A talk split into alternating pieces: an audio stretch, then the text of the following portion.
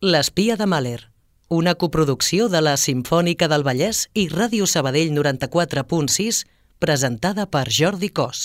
Hi havia una vegada unes músiques basades en aquelles petites narracions que ens llegien quan érem infants per invocar el son. Relats que, a més d'estrènyer els lligams amb els nostres pares, transmetien també una sèrie de valors essencials, fomentant alhora el diàleg i la imaginació.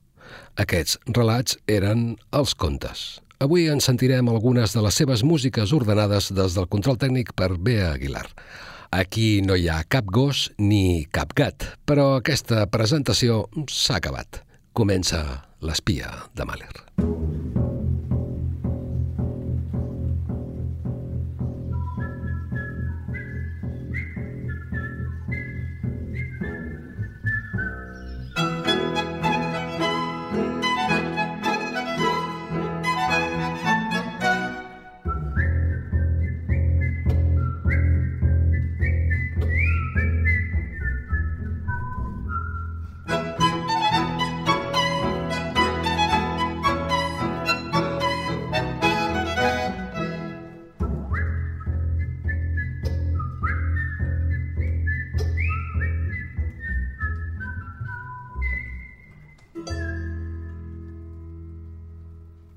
Una fada alterarà la maledicció d'una bruixa a una princesa acabada de néixer, preveient que en punxar-se amb una filosa, en comptes de la mort, a la filla dels reis l'envairà un son de cent anys que només podrà vèncer el petó d'amor d'un príncep encantador.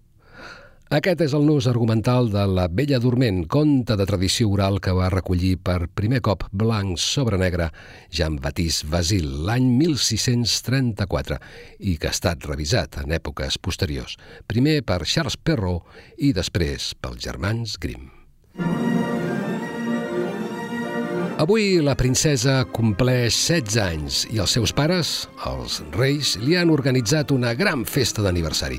Des de diferents racons del planeta han arribat quatre prínceps.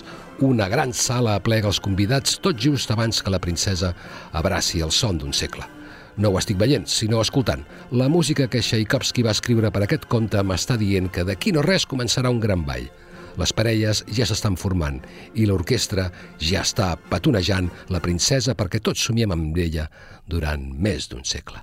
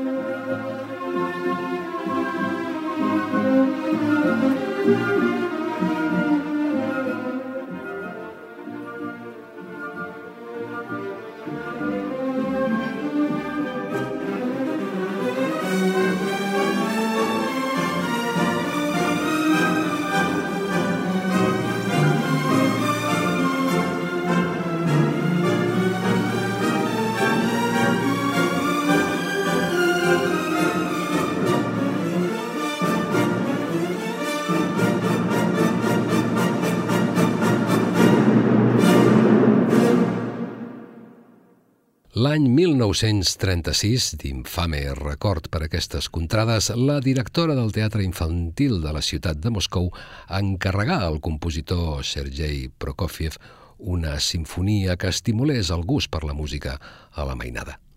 Dit i fet, en menys de dues setmanes, Prokofiev va adaptar el text d'un conte popular rus i el vestia amb música. El conte era Pere i el llop, on cada personatge encarnava un caràcter. L'avi seria l'autoritat, el nen la gosadia, l'ocell l'heroi, l'ànec el burgès covard, el llop el pervers i maligne enemic i els caçadors representarien la força del món adult. Pere i el Llop s'estrenà el 2 de maig de l'any 1936, però amb no gaire èxit. Escoltem-lo amb la versió enregistrada per l'Orquestra de Cadaqués, conduïda per Basili Petrenko i narració de Jordi Sánchez. La moralitat del conte és que si acostumes a dir mentides, quan diguis la veritat, ningú no et creurà. En aquesta història, cada personatge és representat per un motiu musical determinat i per un instrument diferent.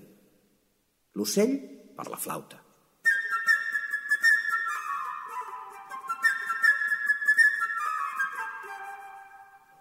L'ànec, per l'oboè.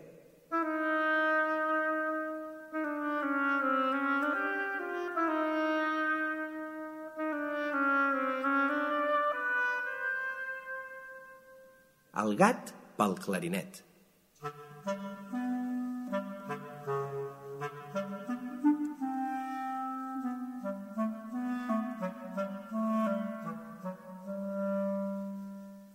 L'avi pel fagot.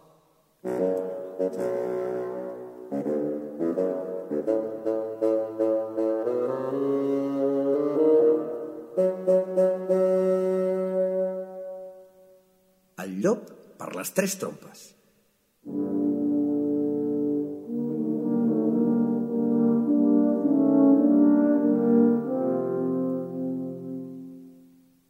En Pere pels instruments de corda.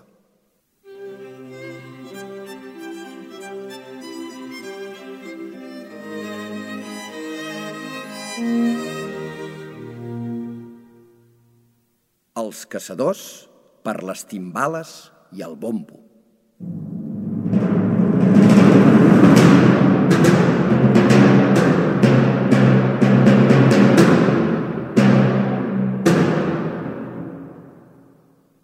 Ara, doncs, comença ja el conte de Pere i el llop. Un matí, ben d'hora, en Pere va obrir la porta del seu jardí i se'n va anar cap al gran prat verd.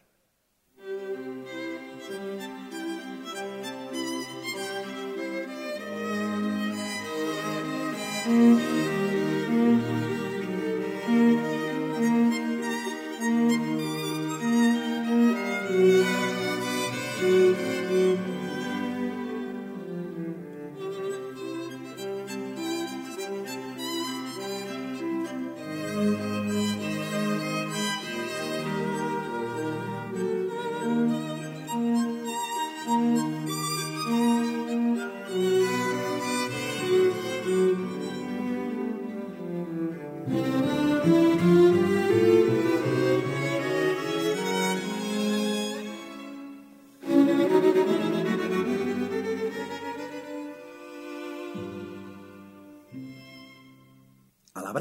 arbre seia un ocell petit, amic d'en Pere.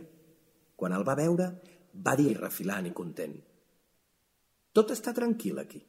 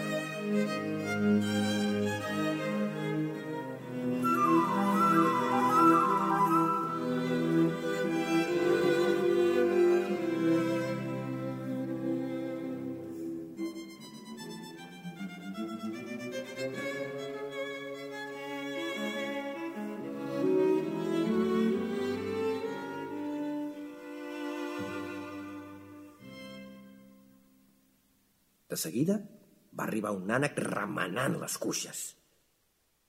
Estava satisfet que en Pere no hagués tancat la porta del jardí, perquè així va poder decidir-se a nedar una mica a l'estany que hi havia al prat.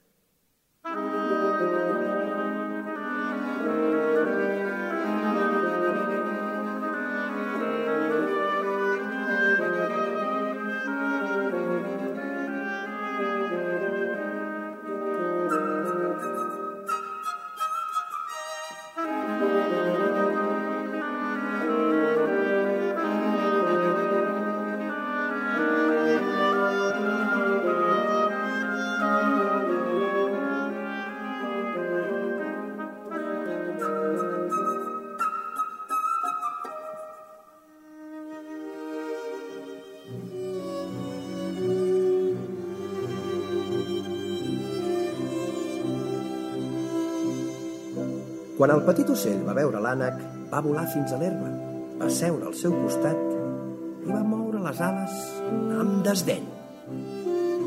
Quina mena d'ocell ets que no saps volar?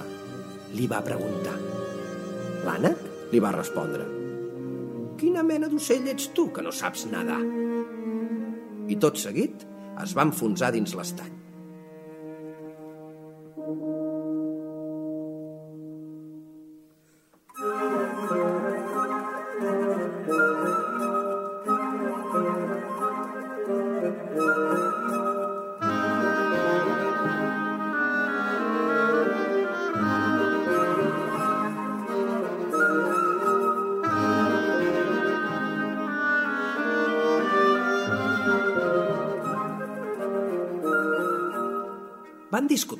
Molta estona.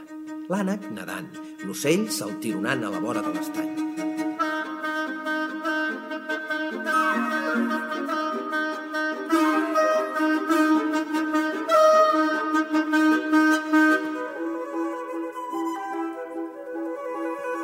De sobte, una cosa va traure l'atenció d'en Pere.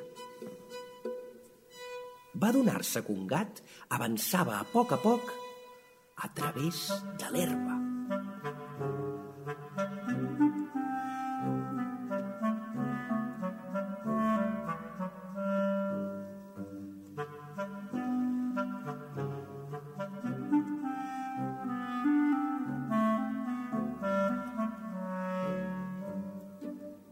El gat pensava aquest ocell discuteix amb tant d'entusiasme que el podré atrapar de seguida i silenciosament s'hi van acostant sobre les seves potes de vellut.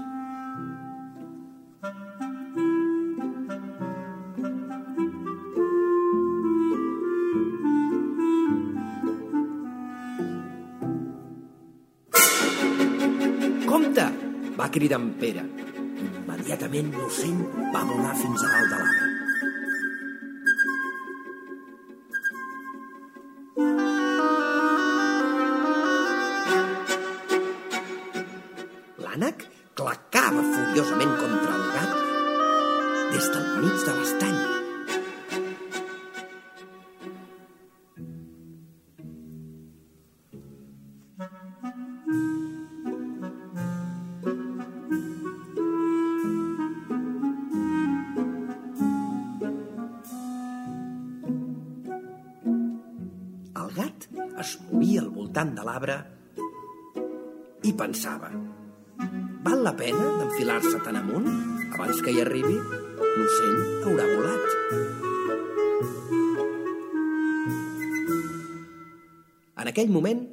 Va arribar l'avi que havia sortit de la casa.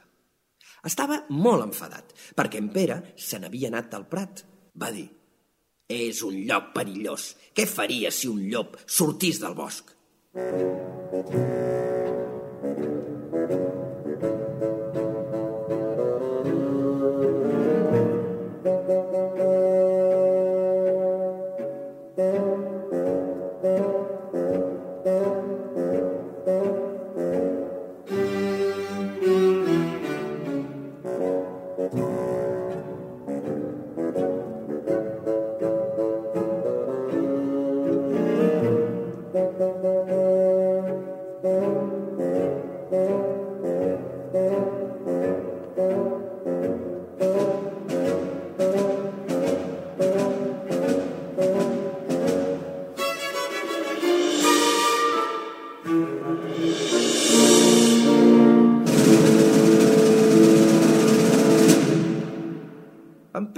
Cas de les paraules de l'avi.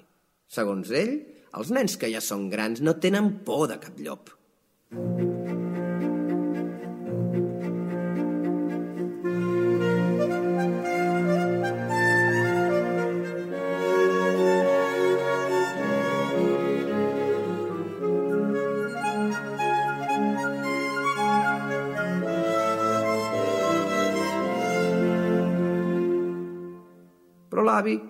En Pere de la mà, el va fer tornar a casa i va tancar la porta del jardí.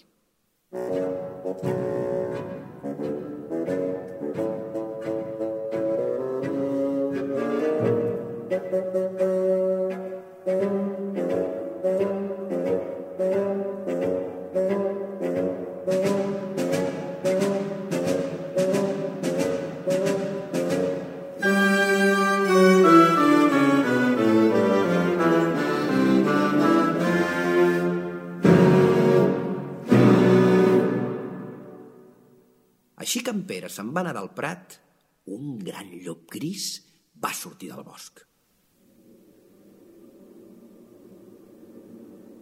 D'un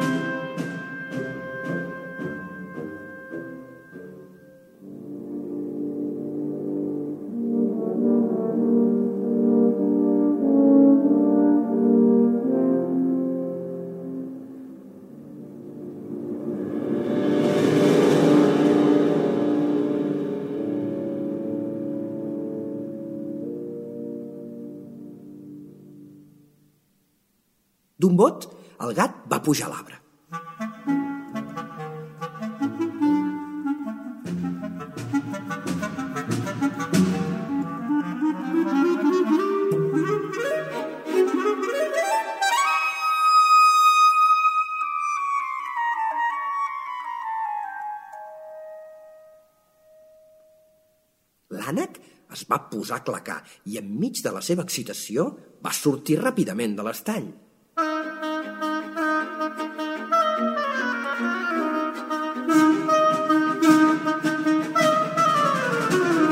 Però encara que l'ànec es va posar a córrer molt de pressa, no podia deixar enrere el llop. A cada cop s'hi acostava més i més i més.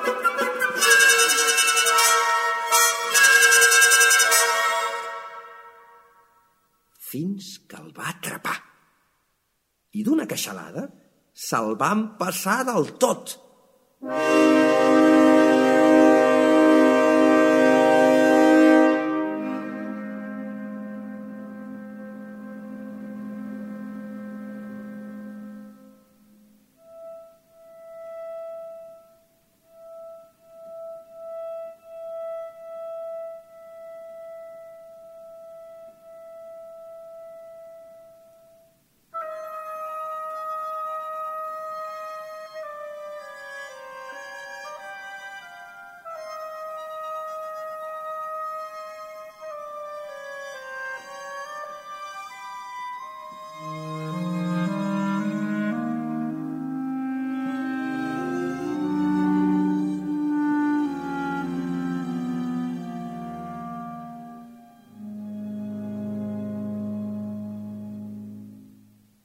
ara mirem com estaven les coses. El gat seia en una branca de l'arbre.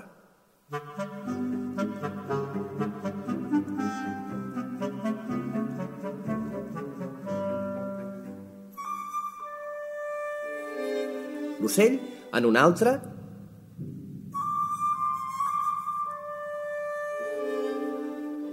no gaire a la vora del gat.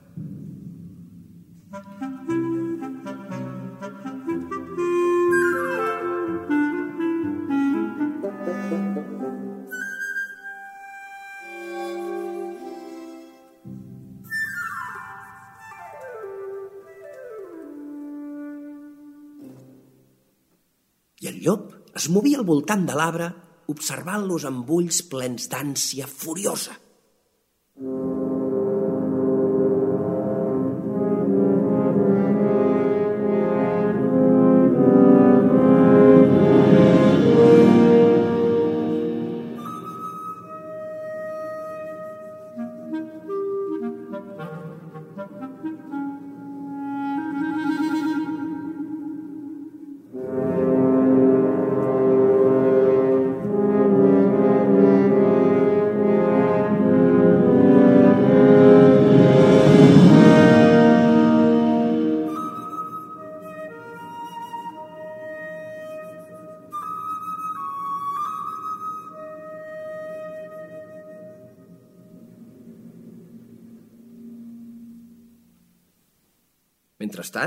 Pere, sense tenir ni una mica de por, ho mirava tot des del darrere de la porta tancada del jardí.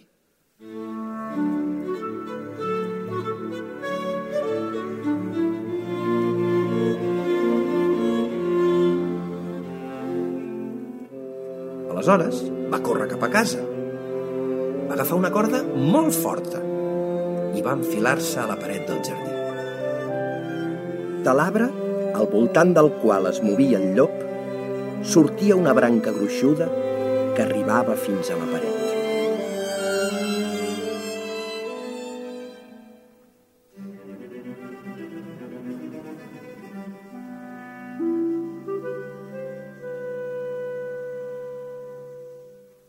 En Pere va passar-hi sense cap esforç.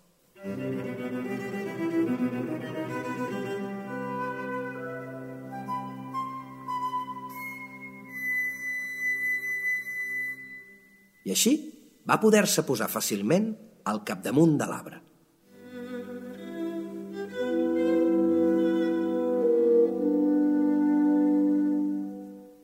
En Pere va dir llavors a l'ocell vola sense parar al voltant del cap del llop, tenint sempre molt de compte que no t'atrapi.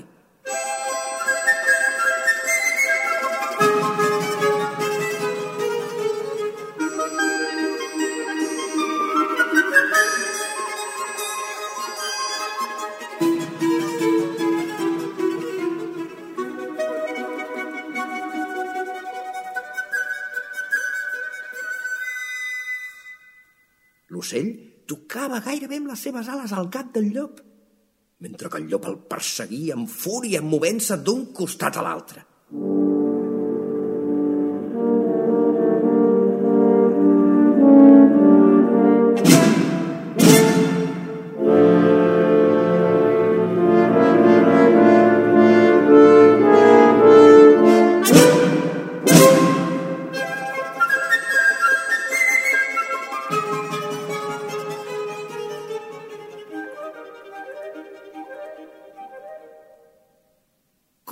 L'ocell feia enfurisme al llop, com aquest hauria volgut caçar-lo. Però l'ocell, l'ocell era més llest i el llop no podia fer-hi res de res.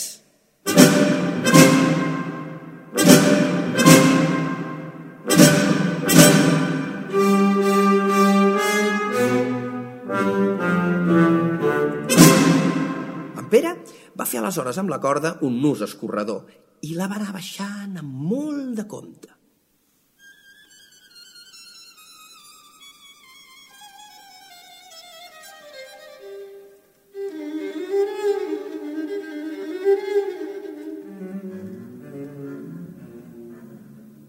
Ficar el nus escorredor a la cua del llop i va estirar la corda amb tota la força que va poder.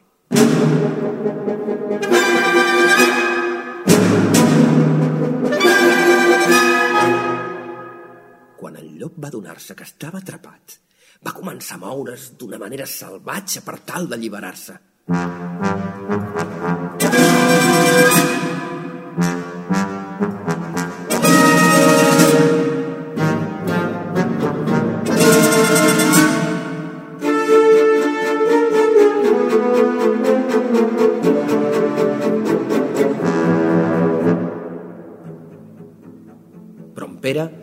Va lligar fermament a l'arbre l'altre cap de la corda.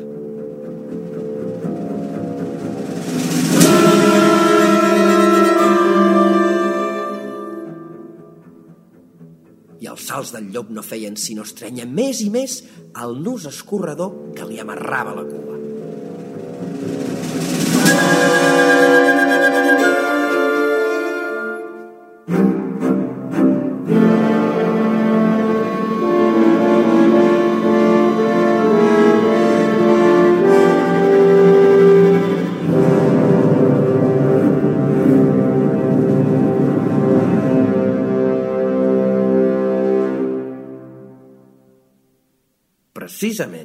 Aquell moment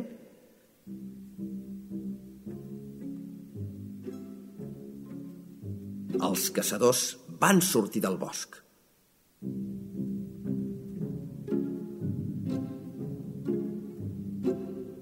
Seguint el rastre del llop i disparant.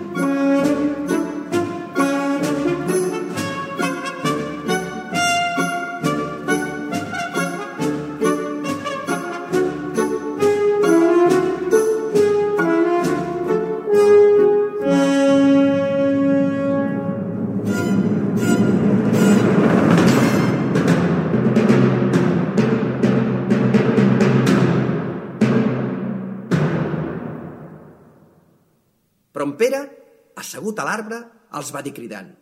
No dispareu! El petit ocell i jo ja hem caçat el llop. Ajudeu-nos a portar-lo al parc zoològic. I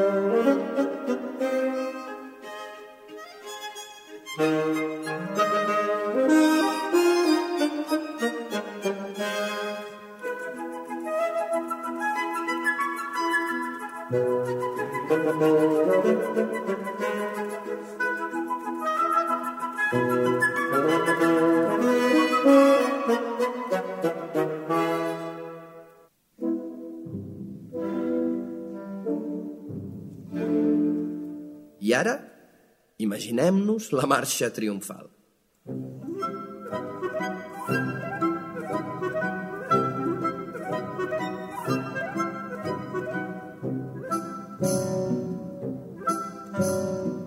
En Pere, al capdavant.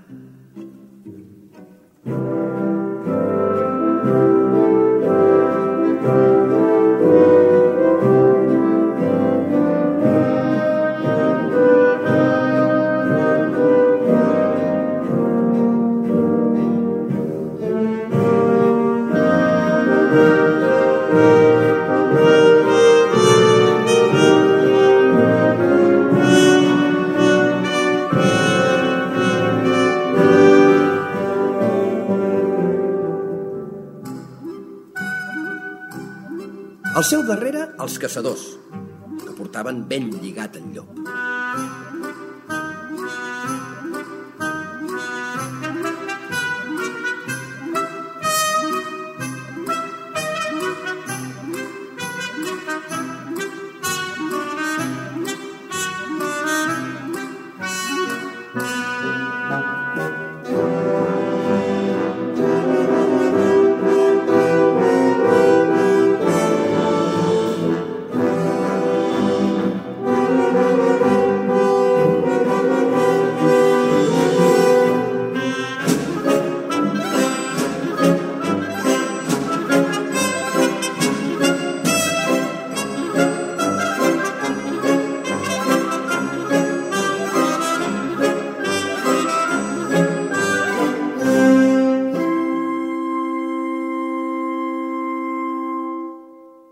final de la marxa, l'avi i el gat. L'avi no parava de moure el cap dient molt enfadat. Bé, bé, molt bé, però si en Pere no hagués caçat el llop, què hauria passat? Sobre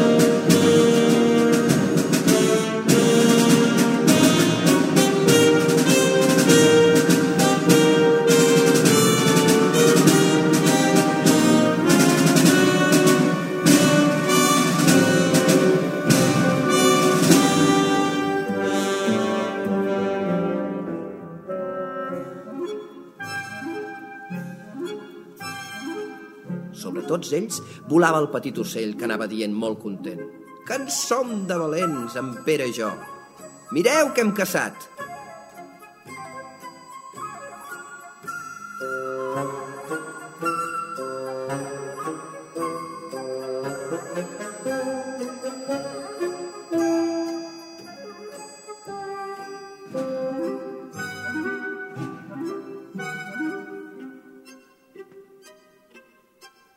Si s'escoltava amb molta atenció, es podia sentir com l'Anna clacava la panxa del llop.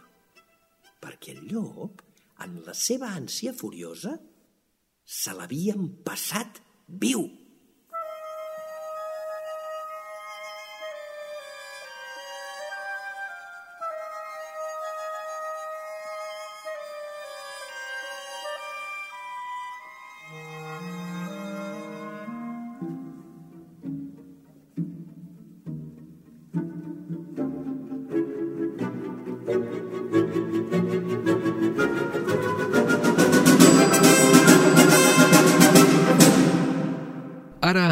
Arribat el moment d'un número, del número 3, perquè parlarem d'un triangle amorós entre titelles a les quals un mag ha dotat de vida i emocions i que acabarà en tragèdia.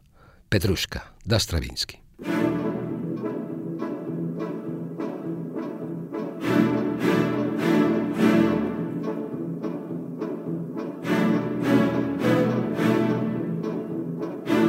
El primer tres, els tres personatges, la ballarina, el moro i Petrushka, el pallasso.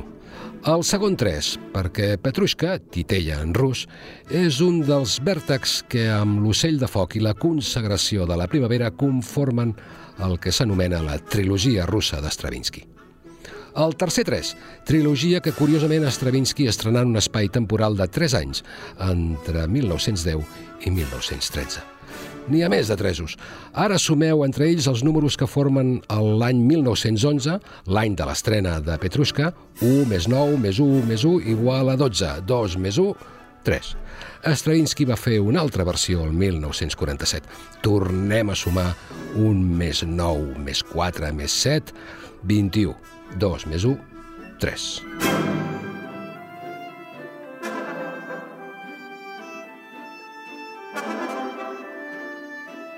No us mengeu el cap, només és una successió de tresos casual, una coincidència fruit de l'atzar. El que no és fruit de l'atzar és aquesta melodia que sona com a banda sonora de les meves paraules. Una cançó popular russa que ara escoltarem en la veu del mític baix Feodor Shaliapin.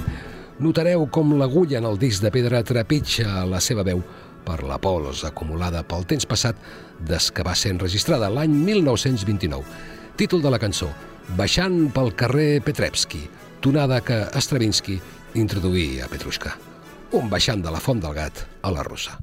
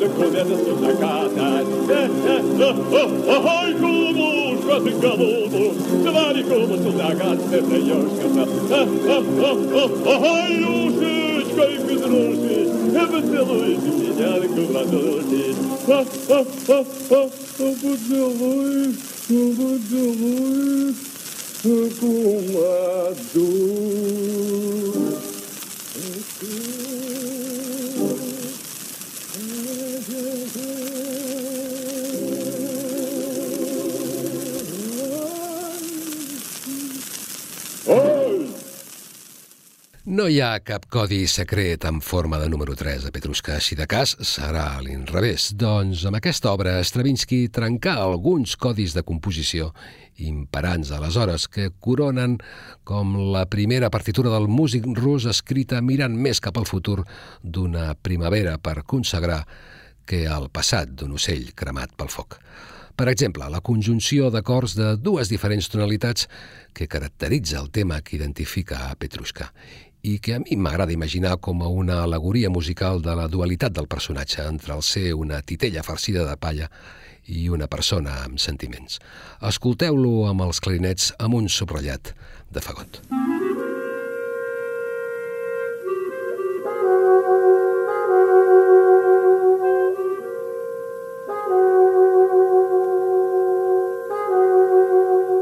Però hi ha un tema a Petrushka que em crea esgarrifança cada cop que l'escolto. És el que clou l'obra, quan el moro ha assassinat el pallasso Petrushka i el mag s'endú el seu cos de palla arrossegant-lo pel terra. De sobte, en passar davant del teatre de Titelles, l'esperit de Petrushka apareix a la taulada cridant amb la seva veu escrident d'una trompeta.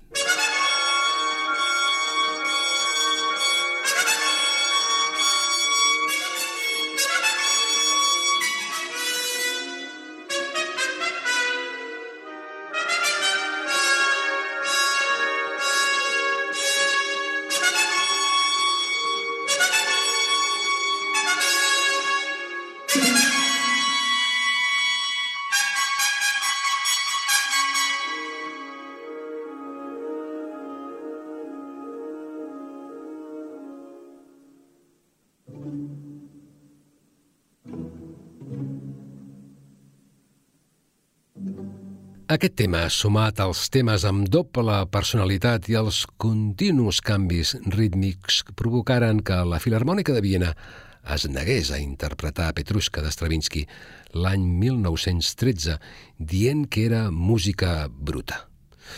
Doncs ara ens embrutarem amb la part més lúdica d'aquest ballet, la, amb la gran orquestra de Moscou i Vladimir Fedosiev, que ens reglaran la darrera part de Petrushka, en què podrem escoltar com la gent aplegada a una gran plaça de Sant Petersburg celebra el Carnestoltes ballant diverses danses.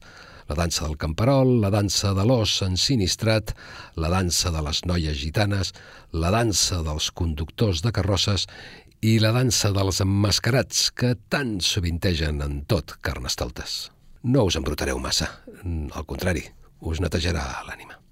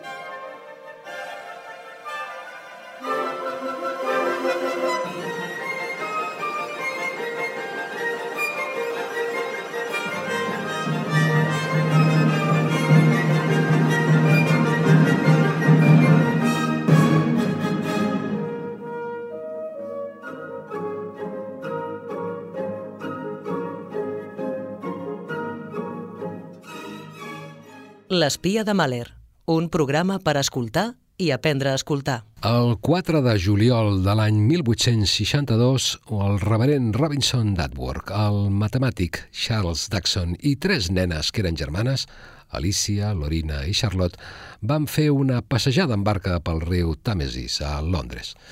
Durant un descans de l'excursió, Daxon improvisà unes històries fantàstiques que les nenes, sobretot a Alicia, van escoltar amb entusiasme.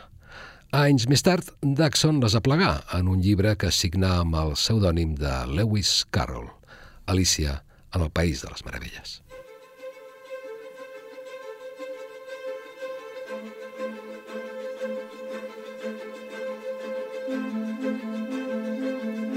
El director de cinema Tim Burton va presentar una particular versió de la història de Lewis Carroll amb banda sonora del seu més fidel soci musical, el compositor Danny Elfman. Un cor està escalfant per cantar aquestes paraules. Oh, Alicia, estimada, on has estat? Molt a prop o molt lluny o entre dues parts? Què has vist? Què has sentit? Alicia, si us plau, digues. Digues.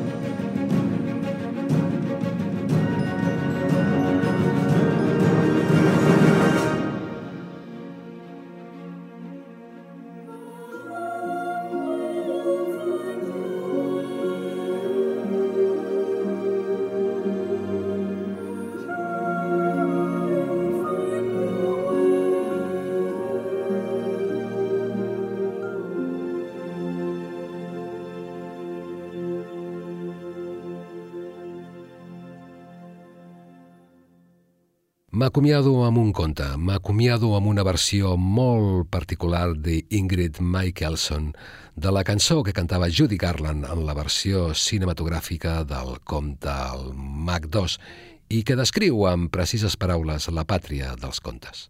En algun lloc més enllà de l'arc de Sant Martí, molt amunt, hi ha una terra on vaig sentir parlar en una cançó de Bressol.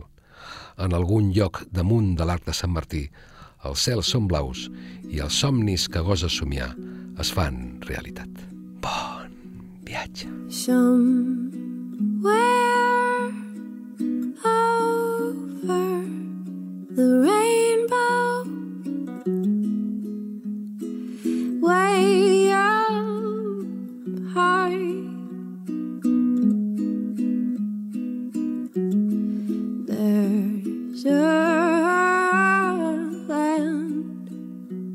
I've heard of